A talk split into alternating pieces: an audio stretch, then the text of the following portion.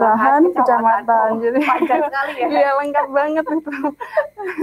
Masya Allah sekali memang eh, di situ memang letak di mana kita prosesnya itu di situ memang. Oke. Nah, kalau boleh tahu nih, kalau misalnya ya eh, kita daftar KIP kuliah, otomatis terima atau ada seleksi berikutnya selain pemberkasan? Iya pastinya ada nih kak, ada tahap-tahapnya gitu ya kak ya.